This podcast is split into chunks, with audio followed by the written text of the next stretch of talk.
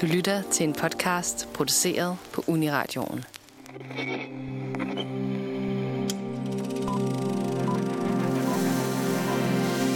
Til november kommer den nye Ghostbusters Afterlife, og med den tårnhøje forventninger til kultfænomener. Castet fra de to originale Ghostbusters film vender nemlig tilbage til roller, som de ikke har rørt siden Ghostbusters computerspillet fra 2009.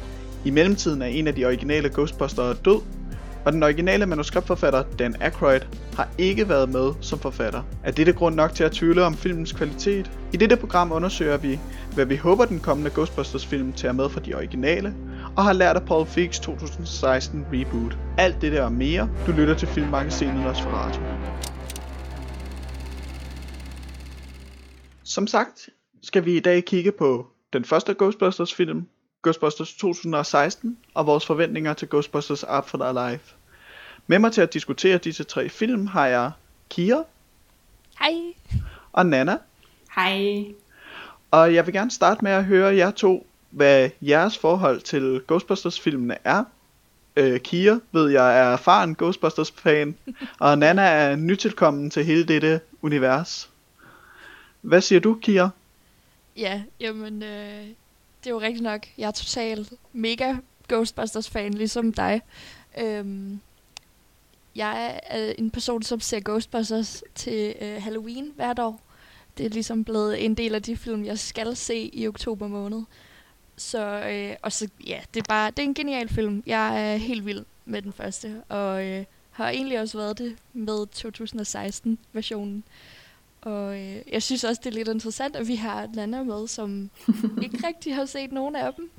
Jeg kunne godt tænke mig at høre, hvad dine øh, tanker egentlig er om Ghostbusters, nu hvor du har fået set dem. Ja, altså øh, det var sjovt, fordi da vi skulle lave det her program, så gik det jo op for mig, at jeg aldrig har set dem, men når man så snakker om Ghostbusters, så kan man jo filmen, og man kender logoet, og hvordan de ser ud og sådan noget, så man, man ved egentlig ret meget om det, bare fordi det er sådan et stort sådan, kulturelt fænomen, men jeg havde ikke set dem, før vi lavede det her.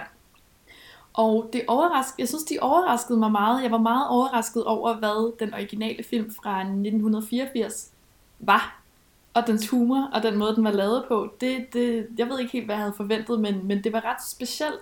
Jeg, jeg, tror, jeg tror helt klart, at øh, jeg mangler det der nostalgiske blik på dem, øh, som gør, at, at man ser dem ja, sådan helt fedtet ind i sådan nostalgi. Det, det, det, det manglede jeg måske lidt. For mig var det lidt sådan en lidt mærkelig 80'er film med noget humor, som altså nærmest lidt gik hen over hovedet på mig en gang imellem. Men det, det tænker jeg, at vi vender tilbage til, når vi virkelig dykker ned i filmen lige om lidt. Den originale film øh, fra 84.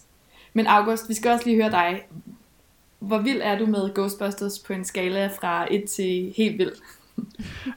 uh, jeg tror, det, det ligger et eller andet sted over helt vildt. Okay. øh, jeg vedholder, hvis ikke det den originale Ghostbusters film er den bedste 80'er komedie, så må det være den bedste gyserkomedie, der nogensinde er lavet. Øh, og ja, ikke at det måske er sådan et felt, det er svært at toppe fuldstændig ud i, fordi at umiddelbart er det kun sådan Ghostbusters og Zombieland, jeg tænker på som værende decideret gode gyserkomedier. Men altså, det skal ikke tage væk fra, fra Ghostbusters 1984's kvalitet. Fordi at jeg synes, den er totalt genial og opfindsom og grineren og charmerende.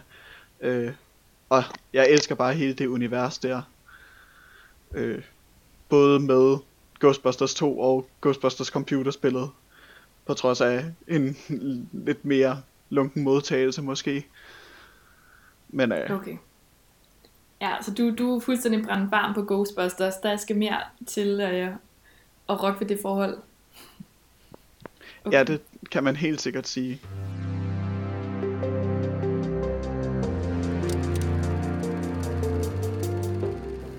Grunden til, at vi laver det her program, det er jo fordi, at der til november kommer en ny Ghostbusters-film. Fem år efter den seneste Ghostbusters-film, Ghostbusters fra 2016, så kommer den her Afterlife altså. Og øh, når man træder ind i at lave noget, der skriver sig ind i det her univers, så er der jo nogle ekstrem høje forventninger til den. Og derfor så skal vi jo i dag snakke om, hvad der gør de originale film så sindssygt gode, og hvad det vi håber, den nye film tager med fra de Ghostbusters film, der allerede er lavet. Den første Ghostbusters film, den bliver jo udgivet i 1984, og vi skal starte med at snakke om, hvad er det, der gør den så sindssygt god, hvis man spørger August. August, vil du ikke lige starte med at, at fortælle lidt om den her øh, kultklassiker af en film? Det vil jeg enormt gerne. Altså, øh, Ghostbusters 1984, det er jo toppen af poppen af komediefolk fra 80'erne. Udover at den er instrueret af Ivan Reitman, øh, så er den skrevet af Harold Ramis, som vi kender fra Røven af 4. division, også med Bill Murray og National Lampoon's Animal House, samt Dan Aykroyd, som er en af de to bluesbrødre, og så øh, også forfatter på SNL. Øh, plottet fra den her originale Ghostbusters film, det er tre forskere i parapsykologi. Øh, det er Bill Murray, Harold Ramis og Dan Aykroyd, som arbejder på Columbia University i New York, bliver fyret fra deres forskningsprojekt og opretter i stedet et spøgelsesfangerkår, der ikke er ulige skadestyrsbekæmpere, som tager rundt i New York og fanger de spøgelser, der forstyrrer byens borgere. Og det er totalt et genialt setup for en film, hele den her idé, at jo, hvorfor skulle brandmand eller skadedyrsbekæmper ikke også kunne tage sig af de overnaturlige pestilenser, der render rundt omkring og irriterer de stakkels borgere i New York. Ja, jeg synes, der er noget, øh, som udgangspunkt er der noget ret sjovt og ret originalt over den her, øh, og måske også lidt tidstypisk over den her sammenblanding af sådan det overnaturlige, men også det meget praktiske, det her med, at det er tre mænd, der er blevet fyret for deres arbejde, og i sin bedste amerikanske stil, jamen så laver de bare deres egen business. Og den var selvfølgelig sindssygt succesfuld, og de bliver nærmest nogle superstjerner der i New York, hvor de tager rundt og løser byens problemer. Heldigvis øh, er det mest i New York, øh, i hvert fald i den første film, at, at, sådan, at det overnaturlige er koncentreret, så sådan, de skal ikke så langt, heldigvis, men, øh, men det er bare ret skægt det her med, at de sådan, ja, det, at, at de lige bare lige vender deres øh, sådan, problem til noget godt. De laver deres egen business. Selvstændige businessmænd. Det er ret fedt, synes jeg. Det er meget sjovt fundet på. Og øh, den lever fuldt ud til hele det her lidt øh, sjovt, sjove koncept, synes jeg. Øh, I form af, det er jo en, en gyserkomedie, vi har med at gøre. Øh, og som Nana har beskrevet den, så er det jo sådan en humoristisk stil, der er sådan lidt sketchagtig. Øh, måske set med tilbageblik på den, bærer nok præg af, at det er Dan Aykroyd fra Saturday Night Live, der har skrevet, eller er en af hovedforfatterne på den her film. Øh, hvilket bærer sig over i sådan nærmest isoleret tilfælde af de her fire Ghostbusters, der render rundt og laver alt muligt mærkeligt.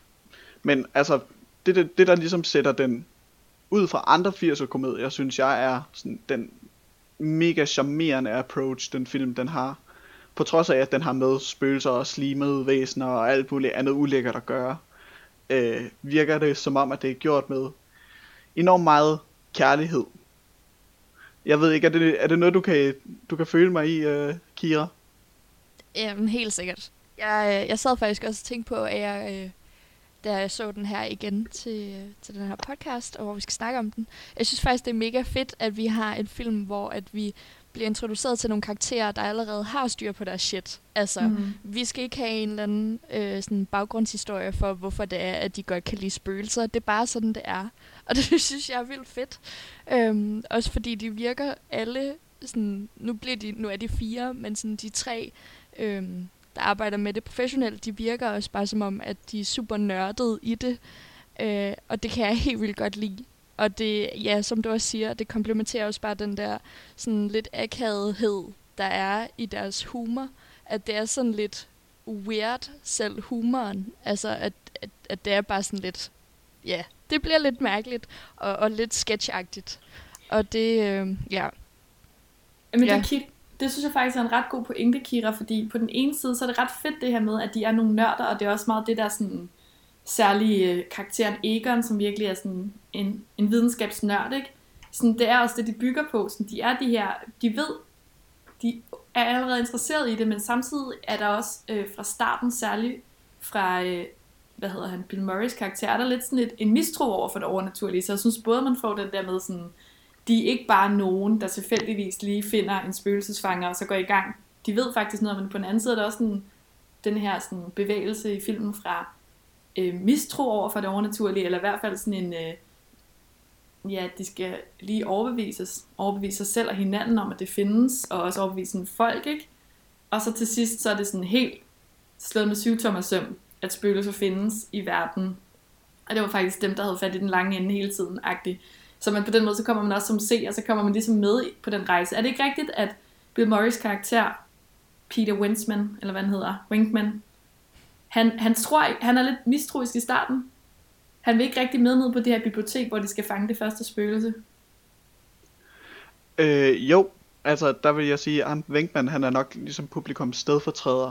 Ja. Fordi at øh, på vores introduktion af ham, der sidder og interviewer de her college-studenter og prøver virkelig at komme i bukserne på hende, den unge pige, virker mere som om, at han er i det her parapsykologiske fag, fordi at øh, det var let at komme ind i, og du bliver betalt af universitetet for ikke at, at lave noget i bund og Mhm. grund. Så jeg synes, det er rigtig fint, at når han så, når vi bliver introduceret for universet, så kan vi ligesom følge med ham i at blive introduceret i, at der faktisk er spøgelser rundt omkring, på trods af, at det måske ikke er sådan en idé, man lige køber til at starte med. Ja. Jeg synes faktisk, den intro-scene der med Peter Winkman, den synes jeg faktisk var rigtig sjov, hvor han sidder, øh, han sidder og laver sådan et forsøg med en kvinde og en mand, som skal gætte, hvad han har på nogle kort, øh, som de, de kan kun se bagsiden, og han ser forsiden, og så skal de tænke på, hvad for et kort, og prøve at gætte det ud fra sådan en eller anden idé om, at, at det kan man med noget, ved, ved ikke, telepati, eller hvad ved jeg. Og, og kvinden gætter konstant forkert, men han bliver ved med at sige, at hun gætter rigtigt. Jeg synes bare, at hele den scene var bare, den var faktisk rigtig, rigtig sjov, og sådan velskrevet, og ja, rigtig humoristisk. Øh, og meget sjov introduktion til ham, øh, Bill Morris karakter. Kira, hvad tænker du? Ja, jeg er super enig i det, du siger. Jeg synes også, at det er bare en rigtig god, netop en introduktion til Bill Murray, og, og ikke lige så meget hans karakter. Eller jeg føler bare lidt, at han spiller sig selv. Altså, jeg føler godt, at Bill Murray, han kunne sidde øh, og lege, at han er into the paranormal, men så er det bare egentlig for, altså han har noget andet. Han vil bare gerne i bukserne på college students. Øhm, jeg tror bare, det passer så skide godt, og jeg er så enig i, at det er bare, det er så underholdende at se, fordi at ham, ja, ham fyren, han gætter jo, også, altså han gætter jo rigtigt, og så Ja. får han stød og bliver straffet, fordi det er altså ikke, det er ikke godt nok. Ej, jeg synes bare, at den scene i sig selv indholdt på en eller anden måde, den var sådan ret afrundet. Altså der, alt, hvad man skulle bruge til at forstå humoren og forstå de forskellige karakterer, var ligesom inde i den scene. Det synes jeg bare var ret velskrevet. Øhm, men måske kan det være en, øh, en overgang til noget, der i hvert fald stod ud for mig. Det er bare, at det er jo en film fra 80'erne, og jeg synes bare, at der var sådan en, sådan en lummer stemning i virkelig mange af scenerne i filmen, som overraskede mig ret meget. jeg ved ikke, hvad jeg havde forventet, men jeg synes bare, der var sådan lidt... Øh, der var rigtig meget sådan, altså, ud over hele sådan Bill Murrays karakter, han mest bare sådan tænker på damer, og der også senere kommer Sigourney Weaver. Sigourney Weaver, ja, hendes karakter, Dana, bliver han også sådan lidt vild med, og, og vil gerne have et kys fra hende i sådan en, en scene, hvor han er hjemme hos hende for at undersøge noget overnaturligt, hun har observeret. Så, og du ved, der er mange sådan, øh, der er mange sådan smålummer referencer. Blandt andet er der også et supernatural, øh, et super, et overnaturligt blowjob. Er det bare mig, der har set noget, der... Har også set det? ja. Jeg tror, at vi, jeg tror, at det var også, der var jeg også bare sådan her, what the fuck, altså sådan den scene, den skal ingenting. Øh, Ray Stans karakteren, øh, spillet af Ben Aykroyd, ser øh, i søvne en, en, en form for sjæl, som åbner hans bukser, og så ser man ikke mere. Eller sådan, der sker noget der. Det, der var jeg også bare sådan, hvorfor, hvor, hvorfor? Det har jeg virkelig ikke behov for at se, eller sådan, hvad fuck er det for noget? Han skal ikke, altså sådan der, skal du ikke have oralsex med de her væsener, han skal fange dem. Det, det var bare sådan nogle ting, der stod lidt ud, og jeg føler ikke, hele den her romance mellem Venkman og Dana, synes jeg måske heller ikke har ældet så godt, fordi det er meget den der trope med, at han bliver ved med at sige, og du har kun dit arbejde, og du har ingenting, og skal vi ikke, og jeg forstår godt, hvad det er at være ensom, men øh, altså, hvor hun bare sådan, du skal ikke, øh, du skal bare gå, du skal ikke have et kys, eller du skal ikke bevise noget over for mig, du skal bare løse mit problem, mit overnaturlige skadedyrsproblem, og forsvinde. Men det ender selvfølgelig med, at han er vedholdende, og til sidst så får han et kys fra hende. Og sådan, ja, det ved jeg ikke. Det ved jeg ikke. Det er måske noget, hvor man er sådan, det er ikke ældet så godt, eller så er det bare sådan lidt, øh, sådan lidt, øh, ja, lummer. Lummer seksuel humor. Hvad, hvad, Kira, hvordan, øh, hvordan har du da forholdt dig til det? Ja, men jeg kan se at både August og jeg, vi har lidt nogle kommentarer til det. Altså, jeg tror, at det, jeg vil sige, det er, at den er ikke ældet særlig pænt. Øhm, altså, også den her øh, fjerde karakter, der sådan dukker op nærmest halvvejs inde i filmen. Winston Sedmore, som er den her øh, token black character, som man skal have med i sine 80'er film. Det synes jeg ikke er særlig sådan pænt øh, skrevet ind, og det holder bare ikke i længden. Ja, der er, øh, jeg, kan godt, jeg kan godt se igennem det Ja. på den der måde, at det er underholdende øh, at se nogen få et overnaturligt eller supernaturligt blowjob. Men hvorfor egentlig? Jeg tror lidt, det er den der... Øh, øh, at det er humoren for tiden, der sådan er reflekteret i filmen.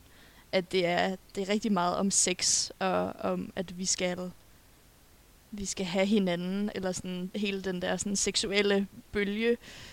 Øhm, ja, at det, ikke, det er måske ikke ældet så pænt, når man ser det med 2021 øjne. Og jeg ved, at August, du også har en kommentar til det her. Øh, så måske for at være tvær, ikke kun for at være, ikke kun for tværhedens skyld, men jeg synes, at hele det her med Peter Venkman eller Bill Morris karakter, der forsøger at komme i bukserne på Sigourney Weaver, fremstår super ynkeligt. Og det synes jeg var meget sådan forfriskende.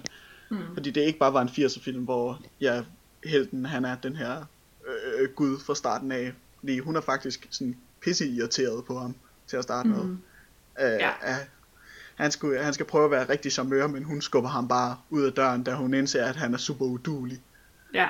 Øh, og det, det kunne jeg ret godt lide. Øh, også fordi, at det er sjovt at se Bill Murray blive sådan helt... Han, han opfører sig helt nedslået, når han finder ud af, at der ikke er noget, der ikke er noget at komme efter lige i den situation der. Ja, det er rigtigt. Han klarer det ikke særlig godt, og han er, ja, ja, han er, virkelig, øh, han er virkelig ikke særlig smooth. Og ikke særlig modig heller, han er lige før. Øh, Danas øh, karakteren, hun har, hun har haft en overnaturlig oplevelse i sit køleskab, hvor hun har set, øh, øh, hun har set en bygning, en brændende bygning af nogle øh, dæmonhunde og en stemme, der siger Sul, og det er ligesom, det er ligesom den sidste fjende i den her film. Og øh, da han ligesom, øh, da Peter Venkman han skal undersøge det her hjemme hos hende, han er helt klart kun taget derhen, fordi hun er flot, øhm, men der vil han næsten ikke åbne køleskabet, hvor det er, hun, han har set det her, så sådan, han, er, han fremstår totalt udulig og ikke særlig modig, og overhovedet ikke særlig charmerende, og hun, det ser hun totalt igennem, så det vil jeg, det vil jeg give det ret i, men øhm, jeg vil bare lige knytte en kommentar til det der med øh, den fjerde karakter, Winston. Øhm, det, jeg synes, der er helt grotesk, det er, at man har gentaget den trope i 2016-filmen. Og det, det, kunne jeg, altså, det sprang virkelig i øjnene som sådan en, okay, det her, det er altså 2016 vinder, og det er så elendigt, og den måde, hun- øh, den karakter, som, som svarer til Winston i de originale film, er skrevet ind i 2016-filmen, er bare så nederen. Øh, så, sådan, så, det, så på en eller anden måde, så synes jeg bare, at da jeg så de to film i streg, så blev den truppe bare så utroligt tydelig, at den har man gentaget fuldstændig ukritisk i den, i den seneste film. Øh, Kira? Mm. Ja, det er rigtigt nok. Og det, ja, det kommer vi helt sikkert også til at snakke om, når vi så Ja. også kommer til at snakke om den nye Ghostbusters. Men jeg vil øh, også lige tilføje det her med, at at øh, Sigourney Weaver, hun igen er, spiller en karakter, som er mega sej og stærk og øh, siger fra. Mm. Øh, fordi der er jo også he, hele det her med hendes øh, nabo, der bliver spillet af Rick Moranis, Louis, øh, Ja. som er helt skudt i hende og bare meget insisterende på, at hun skal altså deltage i hendes øh, eller i hans øh, sådan fester, som han laver, hvor hun også bare er sådan, nej tak, det har jeg ikke nogen som helst interesse i. Men øh, ja, og han er jo også bare, ja, han er en virkelig dejlig karakter i sig selv. Øh, at han låser sig selv ude, bare Ja. én gang, men flere gange. Og, ja, Ja, det er virkelig sjovt. så ja, det, det vil jeg lige koble til Sigourney Weavers karakter som det ene, at det er jo egentlig hende, som også, hun bliver også udsat for de her øh, spøgelser eller overnaturlige væsener, som hun så skal prøve at overbevise nogle andre om, at øh, det er altså det her, der sker. Ja, det synes jeg er meget rigtigt, og, og ja, Rick Moranis karakter er virkelig sådan, altså sådan helt sådan arkesjov, sådan den her mand, som, som tror meget mere om sig selv, end han egentlig er, og han har altid sådan, altså han er sådan, han er, han er sådan lidt nørdet, altid sådan lidt øh, stumpende bukser, sådan ikke så smart, som han gerne vil være, så tænker han bare vildt meget om sig selv, og det, det er bare enormt sjov, hele den sådan, ja, fremstilling af ham. Øhm, men, men altså, og det er måske også noget af det, der virker rigtig godt i filmen, det er, at der er altså, nogle karakterer, som ja, er skide stereotype, men som også er sådan, er ret sådan øh, skrevet på en måde, som er meget let forståelig på en eller anden måde. Øh, det synes jeg er ret nice. Hvad, August, hvad tænker du om, øh, om gruppedynamikken i filmen? Gruppedynamikken mellem de, de, sådan, de tre Ghostbusters og så Winston, som kommer ind halvvejs igennem. Øh, jo, jeg synes, det fungerer sindssygt, sindssygt godt. Og øh, det bærer virkelig præg af, at de her de tre øh, første Ghostbusters, er Bill Murray, Dan Aykroyd og Hal Ramis, de er venner i virkeligheden. Mm. Fordi der er en, en naturlig kemi mellem dem, som så bliver eksemplificeret, når de er i deres roller også. Øh, der er ikke noget, der demonstrerer det bedre, synes jeg, end lige uh, umiddelbart efter introen, der er Harold Ramis' karakter Egon taget til uh, det New Yorkske bibliotek for at undersøge det her spøgelse. Biblioteksdamen, der er blevet set. Og han står med et stetoskop og lytter til et bord for at høre, om der er et spøgelse inde i det. Og da Bill Murray ser, at han står og lytter til bordet, så går han hen og begynder at trumme på det, hvorefter han løber, løfter sådan en kæmpe stak af encyklopædier op og bare smækker ned i bordet. øh, for virkelig bare at, at tage pas på den her ranke, ranke videnskabskarakter, som, som Harold Ramis han spiller. Øh, og ja, jeg synes at bare Egon, han er en, en fantastisk karakter hele vejen igennem.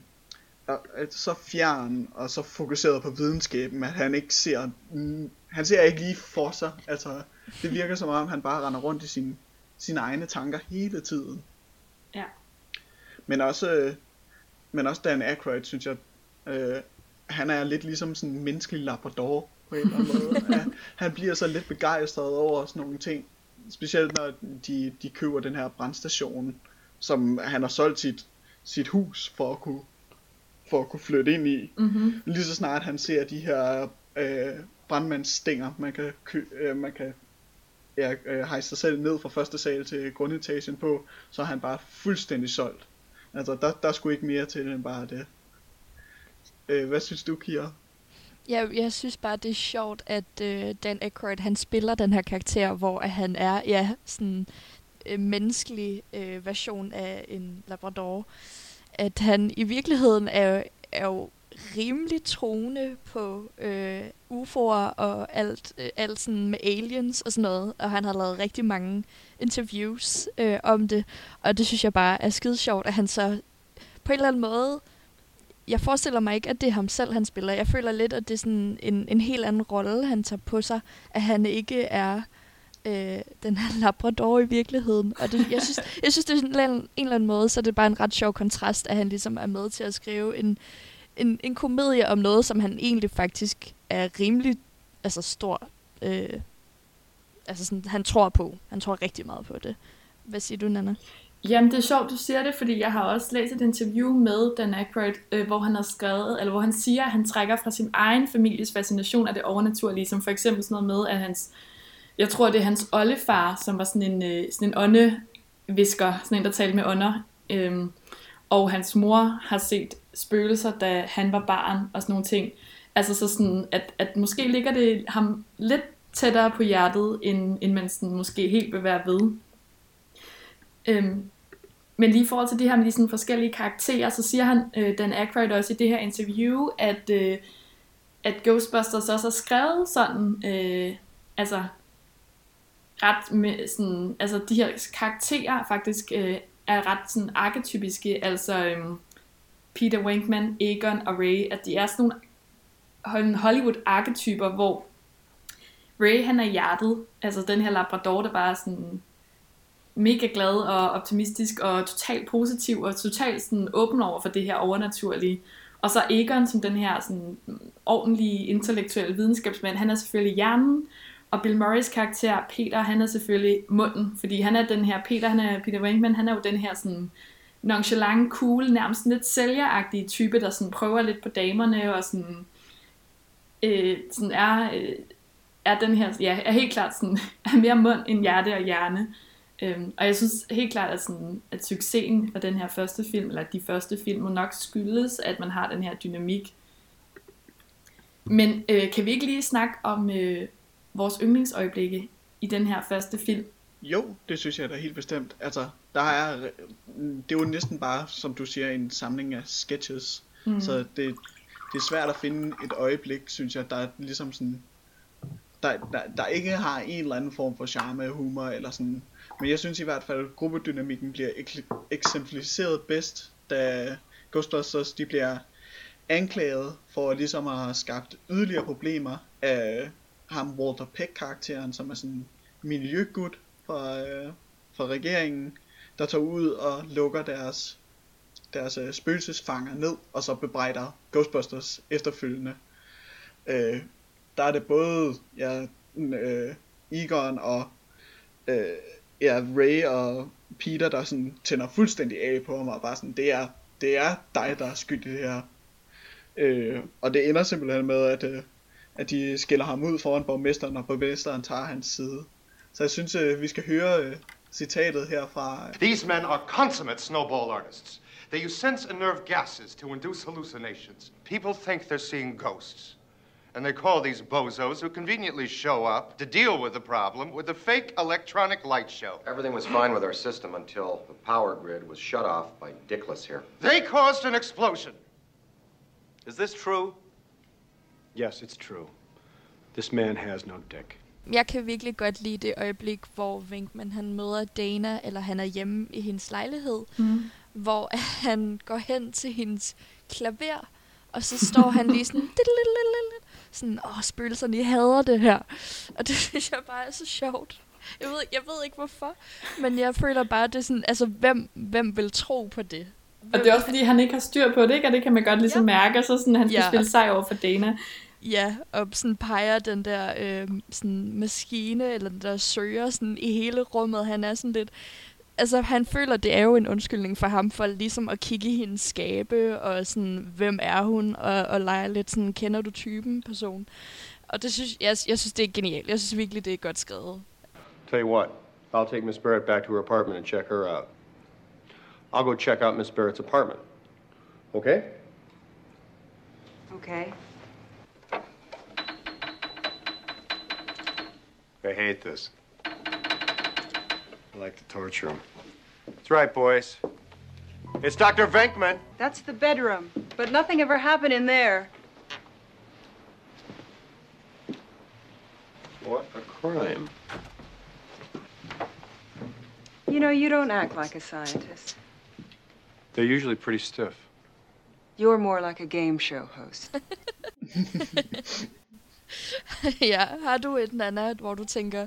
Jamen, jeg tror måske faktisk også, at, øh, at selvom jeg fik snakket det der, sådan, det her mærkelige sådan, smålummer undertone ned, øh, så tror jeg alligevel, at det der min, et moment, der jeg synes, der var ret grineren, det er, at til sidst i filmen, hvor Dana, hun er blevet besat af den her onde, det onde spøgelsessuget, øh, og hun er blevet sådan en, så er hun blevet sådan en, hun er jo ellers en meget ordentlig kvinde, så pludselig er hun sådan, har hun slået håret ud, og sådan, hendes, er sådan meget let påklædt, og, og sådan prøver egentlig at komme i seng med Peter Venkman. Og der er der bare sådan hele den interaktion, hvor hun sådan begynder at svæve, og den måde han sådan, han reagerer på det, fordi han ved godt, hun er besat. Han er jo også interesseret i hende som person, men lige der er hun jo så besat af en, af en ond ånd. Øh, og sådan hele den sådan interaktion, når hun begynder at svæve rundt, den synes jeg faktisk var meget sjov. Også. Det, det er der, hvor hun siger, jeg vil godt have dig inde i mig, og så svarer han, det lyder ikke så godt, fordi det lyder som om, der allerede er to stykker. ja, præcis. Ja, præcis. Jeg tror, det bliver lidt klemt, fordi det virker som om, der allerede er mindst to derinde. det er jo sådan lidt, altså sådan, det er jo lidt en til en, men det er også ja, meget skægt. Det er sgu meget sjovt. Jeg tror også bare, det er fordi, at, at, at Bill, Bill Murray, han bare kørte ind med Bill Murray, altså når han er bedst. Ja. Og, og det fungerer ja. bare skide godt. Især i samspil ja. med Sigourney Weaver. Der er bare et eller andet med de to. Ja. Og selvom, ja, der ligger den der sådan, seksuelle undertone af, at han har helt sikkert noget, han gerne vil med Sigourney Weavers karakter Dana.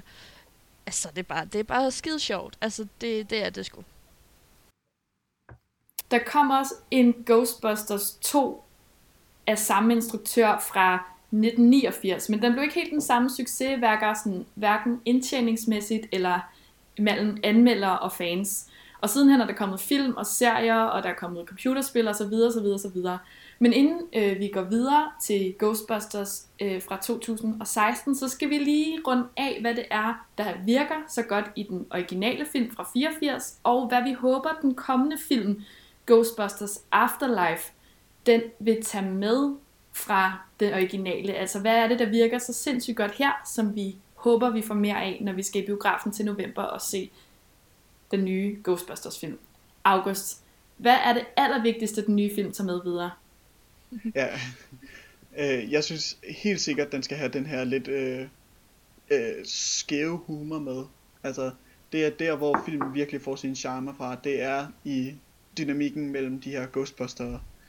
Øh, som Nana nævnte, er det jo sådan næsten sketch af de her isolerede hændelser. Der dog, de har en lille smule øh, koherens imellem dem. Der, der ligesom eksemplificerer, at det er, det er de her tre typer, vi har med at gøre. Både i dens øh, portrættering af, ja nu nævnte vi kort ham Walter Peck, øh, øh, gutten før. Øh, jeg ved ikke lige, hvor jeg er på vej hen. Nu tager jeg lige forfra. ja, kender. Øh, hvis der er noget, som den nye Ghostbusters film, den skal have med, så er det helt klart humoren. Og jeg mener, at den skal have alt humoren med. Det må både have det, der er sådan direkte sjovt og ordspil, men det må også meget gerne have den lidt lummer humor med, fordi at det synes jeg er, faktisk er med til at give den originale en meget stor del af sin charme. Og så kan vi jo håbe, at øh, den, er, den, den bliver opdateret bare lige den lille smule, sådan så når vi ikke ser tilbage på den om 15, 25, 30 års tid, ikke opstår de her øjeblikke, hvor man er sådan lidt af. Jeg er så enig i det, du siger, August. Og øh, noget, som jeg også godt kunne tænke mig komme med, det er noget af det her med øh, uhyggen. Mm, de der gyser-elementer. Vi snakkede også lige, øh, eller ja, vi har snakket om, den stol, som Dana hun bliver fanget i, hvor at det er arme, der sådan decideret kommer og, og fanger hende og tager hende væk. At det, det er faktisk pænt uhyggeligt. Der er nogle af de her gyser-elementer, dem vil jeg egentlig gerne have med videre i de nye film, hvis der kommer flere end en. Ja. Ja. Enig, jeg synes, at den scene med stolen er et rigtig godt eksempel på, at den faktisk, at den originale film også forstår, formår at være en lille smule rigtig uhyggelig. Øhm, jeg synes noget af det, der var ret fedt ved den her, det er den måde, de har lavet special effectsene på, øhm, som er sådan totalt 80'er charmerende og meget fysiske. Altså det er sådan noget med øh, mennesker inde i store kostymer, som de så har sat ind, eller små, øh, hvor de har lavet miniatyrmodeller af, af sådan, det, ikke det sidste sådan store slag, hvor de slås mod en stor marshmallow-mand. Øh, det er ligesom, det er noget, de har lavet, og så øh, i miniatyr, og så brændte den der skumfidusmand af og sådan noget. Så sådan, og det giver jo bare sådan en, det giver jo bare sådan en, en kvalitet eller charme, eller sådan, måske også set med nutidens øjne, som man nogle gange mister, når det hele bare skal se animeret og glat og rart og godt ud. Så det, det, det håber jeg, at de gør et eller andet, som gør det sådan lidt mere taktilt eller sådan fysisk. Det synes jeg kunne være fedt.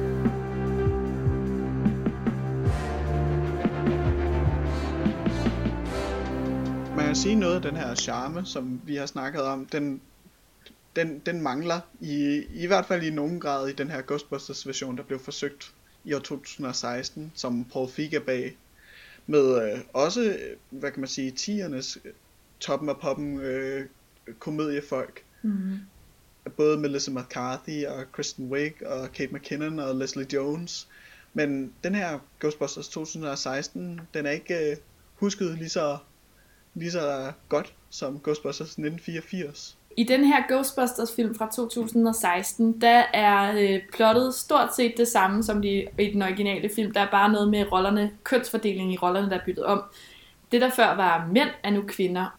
Kristen Wicks karakter er en, øh, en øh, fysikprofessor på øh, Columbia University, som er ved at opnå fastansættelse. Så hun står ligesom over for sådan et... Øh, gennembrud på sit arbejde. Men i fortiden, der havde hun øh, en, en fortid som en, der tror på spøgelser, hvor hun har skrevet en bog sammen med den anden øh, hovedkarakter, som er spillet af Melissa McCarthy. Og det, den sådan fortid, den, øh, den når hende selvfølgelig kort tid, inden hun skal have den her fuldtidsansættelse. Men så ser de et spøgelse sammen, og så ender det jo hverken værre eller bedre med, at øh, Kristen Wicks karakter bliver fyret, og de tre kvinder, de ender med at lave et, øh, et Ghostbuster øh, firma, hvor de, øh, de laver det, som man laver, når man er Ghostbuster, nemlig til ud og prøve at fange øh, ondstippende spøgelser. Igen, øh, har du set øh, den første film fra 84, og kan du tænke dig til, at det var kvinder, der gjorde det i stedet for, så har du næsten set 2016-versionen, hvis man er lidt grov. Og det er jeg er nok lidt over for den her film. Men det er det ikke alle, der er. Vel, Kira?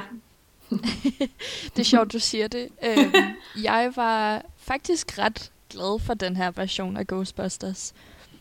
Der var en, øh, et form for konsensus om, at man ikke var glad for den her film, mest fordi, at man forventede, at det var en, en ny Ghostbusters-film, og fordi at det selvfølgelig var kvinder, der spillede hovedkaraktererne. Og det skulle jo have lidt backlash fra anmelderne, fordi at man mente ikke, at man kunne have kvinder i roller, øh, hvor at de fanger spøgelser.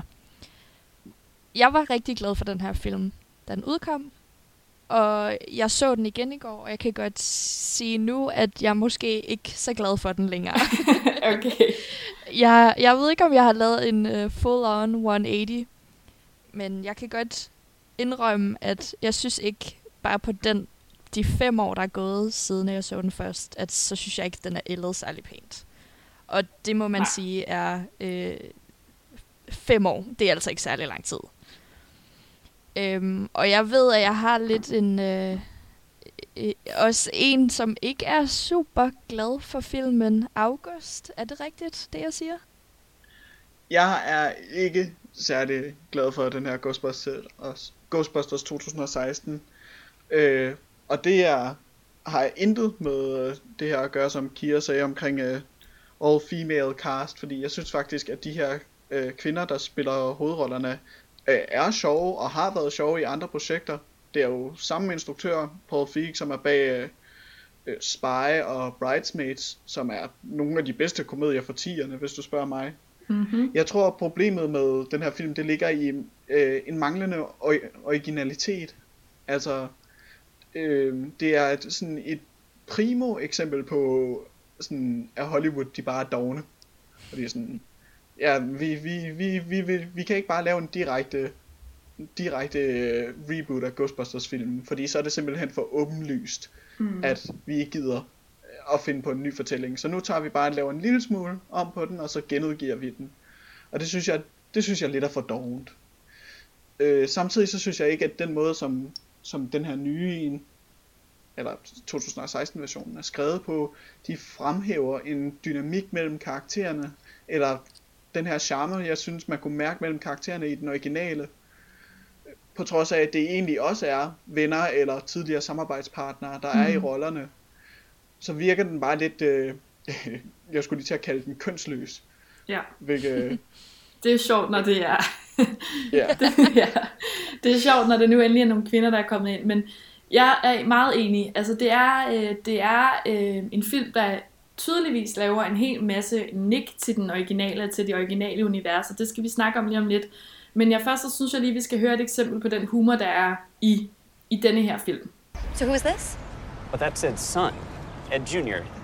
That's obviously who I'm Hi, Junior. If I may, uh, how, when is the last time the paranormal entity was actually seen? And if you were to rank it, let's say between it, probably a T1 and T5. Garrett here saw it on Tuesday, and I believe it made him soil himself. Jesus. Wow, soiling. I'd put that at a T3. T4 if it was poo. Unless he ate something weird. Then it wasn't the ghost. Kind of hard to suss that out after the fact, though. I didn't soil myself. He did. He called me sobbing, saying, oh my God, my pants are toast. Hvis man måske skal sige, eller det jeg blev mærke i de originale film, det var det her med, at, at det var ligesom sex, der var sådan the bottom line, eller det var det, der var enden i alle jokes. Slutningen, klimakset i de fleste jokes, om man vil. Så vil jeg sige, at det er, øh, det er sådan prutte, prutte lorte øh, hum, humor, som er øh, sådan der er joken i mange af de her, øh, for eksempel den scene, vi lige har hørt, altså sådan, det er lidt som om, at protehumor er, er 20'ernes version af sex jokes. Og jeg ved ikke helt, om jeg også fik det lidt som, at det var lidt sådan en, kvinder taler altså også om lort, form for feminisme, som jeg bare synes var sådan lidt lavpandet, eller sådan, kvinder taler om alle mulige ting. Også om lort, men det er bare ikke særlig sjovt, eller sådan, det er ikke særlig sjovt at lave en joke om, når hvis du skid i bukserne, så er det måske enten fordi du så et spøgelse, eller også fordi du har spist noget mad, der var dårligt. Altså sådan, det er ikke en sjov joke. Det, og det synes jeg måske bare var lidt det, de forfaldt til mange gange, som er lidt sådan en... Ja, måske var det sjovt en gang, man hørte en kvinde sige noget om kropsvæsker. Men det har vi bare set meget, meget sjovere i Bridesmaids. For eksempel med samme skuespiller og samme instruktør. Så derfor så, så kom det ikke helt ud over kanten i den her, synes jeg. Nej, jeg synes også, at der er noget om humoren i forhold til, at det er meget på bekostning af andre. Mm. Øhm, det her med, at der hele tiden det der ektoplasm, der kommer fra de her spøgelser, det hele tiden skal gå ud over Kristen Wicks karakter. Og så er det bare sjovt igen og igen og igen, og det er det bare ikke. Altså, det er virkelig, jeg er så enig, det der med sådan kropslige væsker, at det skal bare være det sjove, og altså, hvor, hvad er det, der er sjovt ved det?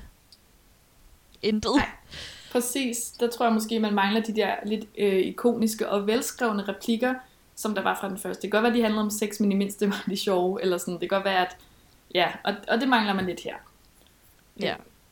Og så helt sikkert, at der er noget med dynamikken. Altså, det, det er øh, tre kvinder, øh, som har hver deres rolle. Altså, øh, øh, Kate McKinnon er sådan den sjove videnskabsmand, og øh, øh, Melissa McCarthy er øh, den, den entusiastiske, øh, og så er der øh, hovedperson, eller så er der Kristen Wiig, som er den kloge på en eller anden måde. Ikke?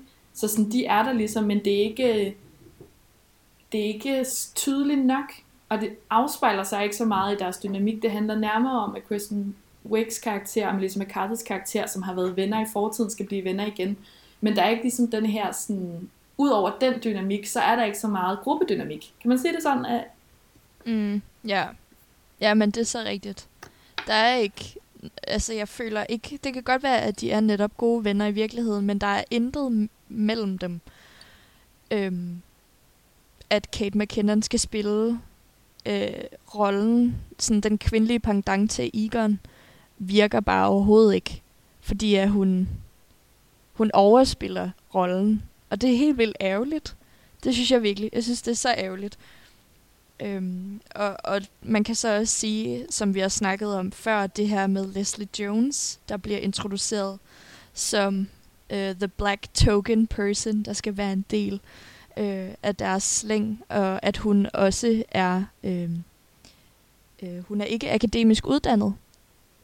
Og det hun sidder nede på øh, metrostationen og tjekker kort, ikke? Yes, lige præcis. Hun er øh, working person, altså hun er sådan arbejder, arbejderklassen. Der var særlig en scene, jeg blev mærke i. Øhm, I den scene, der tilsvarer den scene, hvor de originale Ghostbusters er oppe på borgmesterens kontor, og der er hele den der øh, Douglas hele den dynamik, der er der også en scene i den her 2016 version, hvor at øh, igen øh, alle spøgelser er sluppet ud, og der er helt kaos, og de bliver kaldt ind på borgmesterens kontor, og så er der sådan en øh, også en interaktion, hvor at, øh, øh, at agenterne, eller de her officielle myndighederne siger, prøv at høre, vi er bange for, at hvis I får lov til at håndtere de her spøgelser, så kommer I til at gøre det på en helt vild opmærksomhedskrævende måde, fordi at de jo selvfølgelig, altså sådan, du ved, og det er sådan noget, jamen I bryder alle mulige lov og regler, og I er total, altså I gør totalt opmærksom på jer selv. Vi kan ikke have offentligheden til at vide, at der er spøgelser. Så derfor er vi lidt utrygge ved, om I kan klare den her opgave. Og så sidder de og siger, hvad? Hvad? Hvordan? Det gør vi da overhovedet ikke opmærksom på os selv. Jamen, det er rigtigt nok, Patty, hun går faktisk med nogle ret store øreringe. Og så filmer man over på Patty, der sidder med sådan nogle, altså som er Leslie Jones karakter, øhm, som sidder med nogle store øreringe, sådan nogle store hoops, guldøreringe, og så siger hun sådan et eller andet med, at øh, ja, okay, hvis skønhed er en forbrydelse, så er jeg nok guilty as charged. Og jeg synes bare, hele den interaktion, det var bare så akavet, fordi ja, det var bare skide akavet, fordi det de mente, det var jo, at de har ødelagt alt muligt, de her Ghostbusters, ikke? Og så kommer det til at blive sådan noget, når den eneste, der gør opmærksom på sig selv her, det er kvinden med de store guldøreringe. Og det synes jeg, det var bare sådan en tonedøv, mm. akavet, billig, totalt doven joke på bekostning ja. af Patty karakter, og det hun ja. repræsenterer, som jeg bare synes var, var virkelig synd. Ja. Og ærgerligt lavet. Der er også, der er der en scene, hvor at de er i deres nye kontor. De, der er rigtig mange, øh, altså sådan, hvad hedder det? Der er rigtig mange gange, de refererer til de gamle Ghostbusters film, udover alle de mange cameos, der er fra det originale hold. Så er de på det her nye kontor, som er ovenover en kinesisk restaurant, hvor Patty hun også sidder i venteværelset, øh, hvor de så siger, øh, det er Melissa McCarthy's karakter, der siger, øh, hov, hvis du venter på mad, så skal du ikke, så skal du gå nedenunder, hvor hun er sådan, nej, jeg vil snakke med jer. Og det er igen mm. en joke, som bare sådan lidt, hvorfor skulle den være med? Eller sådan, det er jo ikke, det virker ikke særlig sjovt, hvis det skulle Nej. have været en joke overhovedet. Det, det er også det der med, at man sådan misforstår deres øh, intentioner. Ja. Vi er i 2016, når den udkommer. Ja. Det burde vi ikke. Nej. Nej, det bliver sådan lidt på bekostning af andre, sådan lidt billigt lavet jokes, som er sådan, hvad har vi at gøre grin med? Eller sådan, hvad kan være sjovt? Men øhm, jeg synes, det er rigtigt, eller du tager lidt fat i det her med sådan, de mange sådan, nick til den originale film. Altså udover noget, der var sådan lidt sjovt lavet, det er, at, øh, at øh, da de ude, da de her øh, tre kvinder skal starte deres Ghostbuster øh, firma op, så er de ude og kigge på lokationer, hvor de skal bo, og så er de først hen og se på det sted, hvor de originale Ghostbusters er. Og de er sådan, åh, det er mega fedt og sådan noget, ej, det gør vi, og så hører de, hvad huslejen er, og så er de sådan, nej, nej, nej, det har vi slet ikke, slet ikke råd til. Og så er det så, de ender oven på den her kinesiske restaurant. Og så til sidst, da det går skide godt for dem, så kommer de faktisk hen og leger det originale Ghostbusters øh, hovedkvarter, som er på hjørnet af det her sådan, gamle brandstation. Så sådan, det var for eksempel en af de sådan, små nik. Så er der nogle af de spøgelser, der bliver øh, sat fri til sidst, som blandt andet er det her spøgelse fra øh, hotellet i de originale film. Det her grønne spøgelse, øh, sådan lidt tykke, blobbede spøgelse, det er også med i, øh, i den her film, hvilket også er meget hyggeligt. Eller sådan. Og så er der jo en hel række af cameos. Det er også det, som øh, hvad hedder det, film, den har det lidt, øh, den kan ikke rigtig finde ud af, hvor den skal være henne i universet. Så de har simpelthen valgt at have mange fra det originale cast med øh, som nye karakterer. For eksempel øh, Hal Ramis, han er med i form af en byste på det universitet, hvor Aaron hun arbejder. Og så er Bill Murray også med. Øhm, han spiller Dr. Martin Heiss, som har en professionel karriere ved at debunke det paranormale, hvilket på en eller anden måde hænger lidt sammen med hans karakter fra de originale Ghostbusters, men alligevel ikke. Så er Dan Aykroyd, en, øh, han spiller en taxichauffør, som får æren af at sige I ain't afraid of no ghosts, som jo også kommer fra titelsangen. Øhm, og så spiller Ernie Hudson, Pattys onkel, fordi han er også the token black guy, så selvfølgelig så skal de jo være i familie sammen. Sigourney Weaver mm. spiller Holtz's mentor. Hun spiller Dr. Rebecca Gorin. Og så Annie Potts, som spiller Jane. Er det noget? Janine. Janine. Annie Potts, Annie Potts, der spiller Janine, har også en, recep- en cameo som receptionist, som hun jo også spiller i de gamle Ghostbusters film. August, hvad... Ja?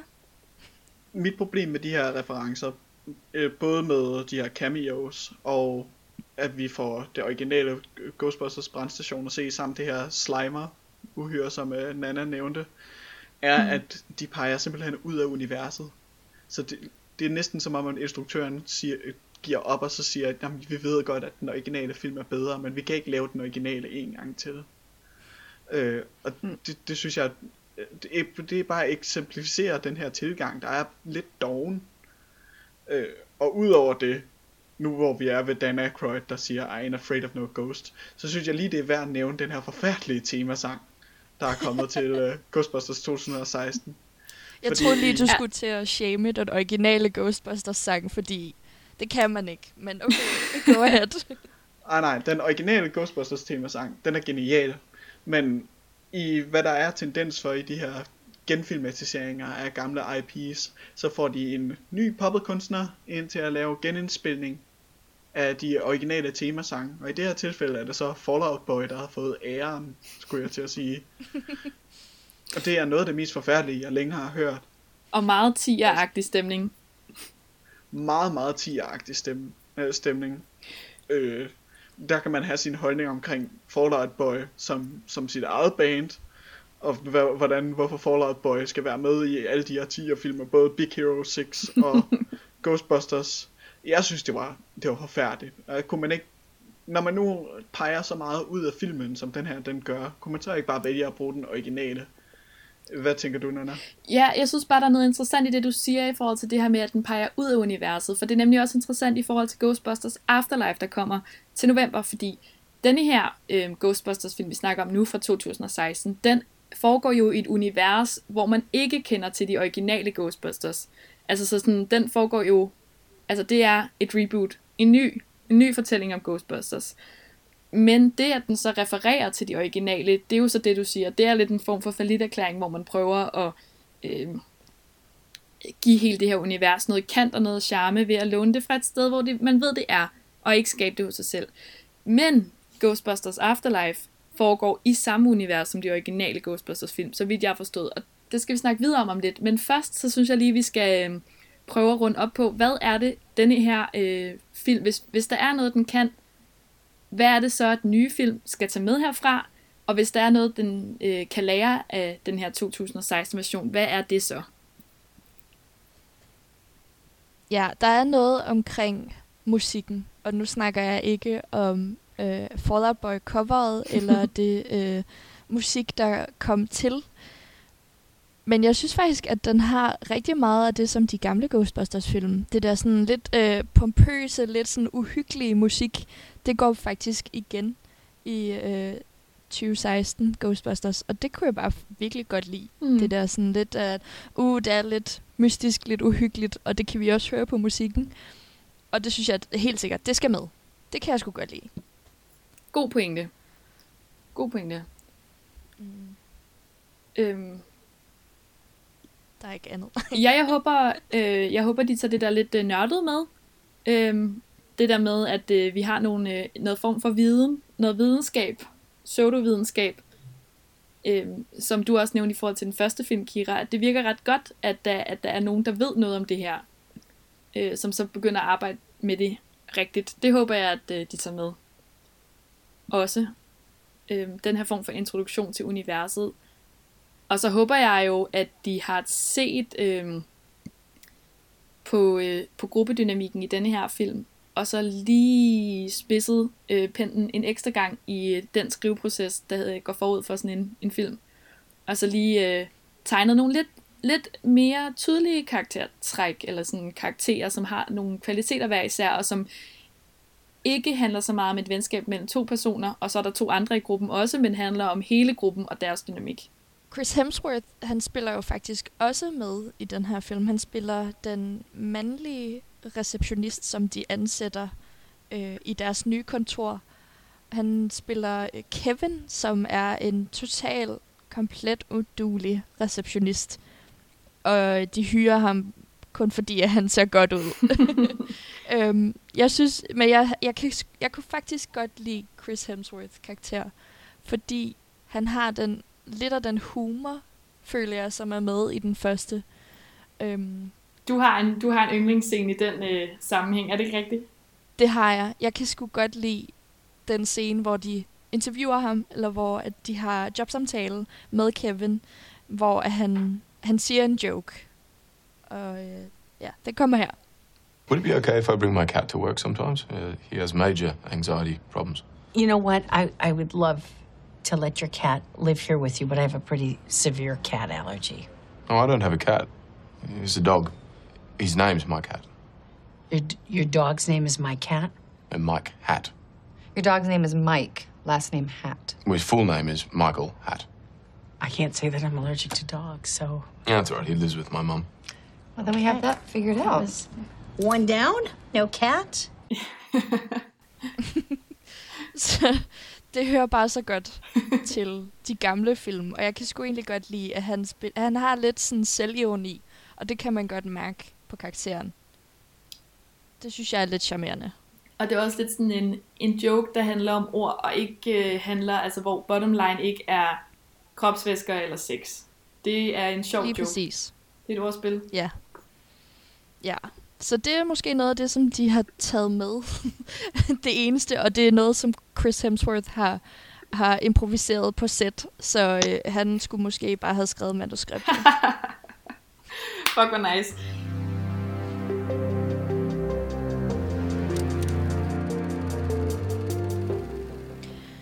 Nu skal vi til at snakke om den film, der kommer til november, nemlig Ghostbusters Afterlife. Den er instrueret af Jason Reitman, og er faktisk en film, der har været godt undervejs. Der er en del bag om den, og jeg ved, August, du har en masse viden om den nye film. Kan du øh, forklare lidt om den kommende Ghostbusters-film? Ja, den her Ghostbusters Afterlife, den som sagt tidligere, foregår jo i samme univers som Ghostbusters-filmene fra 80'erne, og kommer også til at have medvirkende, blandt andet Dan Aykroyd og Bill Murray og Sigourney Weaver og Ernie Hudson fra den originale film, men flytter simpelthen handlingen fra i dag, øh, fra 80'erne til i dag. Det er det, øh, som bliver kaldt en requel, som er sammensætning af reboot og sequel. Og for lige at få det helt på det rene, så vil det sige, at det er en, en efterfølger, der introducerer et nyt cast, men foregår i det samme univers. Øh, så jeg regner stærkt med, at de på film, i filmen på et eller andet tidspunkt afslører, hvordan er det vores nye castmedlemmer, blandt andet ham Finn Wolfhard her fra Stranger Things. Han er i familie med en af de originale Ghostbusters medlemmer, øh, og hvorfor det er, at han kommer til at være i besiddelse af bilen og grejen og grejet. Og hvis de er smarte, som jeg tænker, de er, eller håber de er, så tror jeg at forbindelsen, det kommer noget til at være med, at Harold Ramis er måske oldefar, eller morfar, eller farfar, og det er ham, der dør, der gør, at, at de ligesom er nødt til at komme i forbindelse med, med hans arv på en eller anden måde. Det er i hvert fald min, min, mit eget håb til, hvordan de ligesom pitcher den nye historie, vi skal i gang med her. Det vi ved om den nye handling i den nye film, og her må man holde sig for ørerne, hvis man slet ikke vil høre noget om, øh, om plottet i den kommende film. Det vi ved om den, det er, at øh, øh, der er en familie, der er blevet smidt ud fra deres hus, og derfor bliver de nødt til at tage ud på bedstefarens, morfarens, grandfathers gamle gård, hvor han har efterladt en hel masse ting. Blandt andet går jeg ud fra øh, noget Ghostbuster-materiale. Og den her gård, den ligger langt ude på landet, og der begynder at ske nogle øh, mystiske og uforklarlige hændelser, som øh, hovedpersonerne, som blandt andet, som sagt, er spillet af Finn Wolfhard, som man kender fra Stranger Things. Øh, Paul Rudd er også med. Han er øh, skolelærer, som øh, er interesseret, gør ud fra, har en anden, jeg går ud fra, at det er ham, der ved noget om det her sådan, spøgelsesuniverset, det overnaturlige. Øh, der begynder at ske nogle uforklarlige hændelser i den her by, og det her cast af, af unge, og Paul Rudd bliver involveret i det her på en eller anden måde, går jeg ud fra. Og så mangler jeg stadig at finde ud af, hvordan øh, de her, øh, det originale cast, i, sådan, i hvor høj grad og hvilke roller de lige præcis skal spille. Så det bliver ret spændende at se, hvad, hvordan det bliver flettet ind, og hvor diskret og, og elegant og øh, hvad hedder det, sådan, øh, relevant for historien det kan komme til at blive gjort. Men øh, jeg synes, at det jeg har set af de klip, der allerede ligger tilgængelige på YouTube, og den trailer, de forskellige trailer, der synes jeg faktisk, at det ser rigtig lovende ud med den her Ghostbusters Afterlife. Og hvorfor er det egentlig, det gør det? Har I nogen, øh, nogen bud på det? August?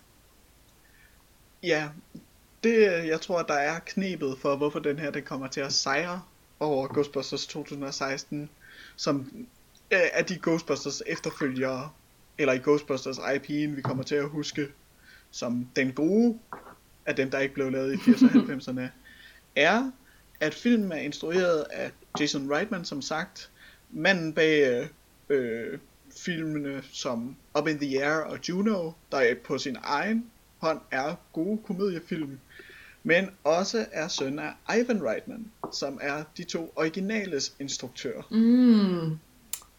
Så her kunne man håbe på, at, øh, at han måske har fået noget af sin øh, fars lidt øh, skæve, gængse øh, humor og tilgang med, til at ligesom kan formå at overføre det til det nye Ghostbusters, Ghostbusters univers. Men her er det så værd at lige tage fat i den her diskussion. Når man vælger Jason Reitman, er det så æren af faderens arv, eller er det nepotisme, vi har med at gøre? Ja, det er et godt spørgsmål. Altså, jeg tror, at det må vi vente og se. Men, øh, men ja, det lyder da, det lyder da som om, at han måske har noget Ghostbusters i blodet i hvert fald.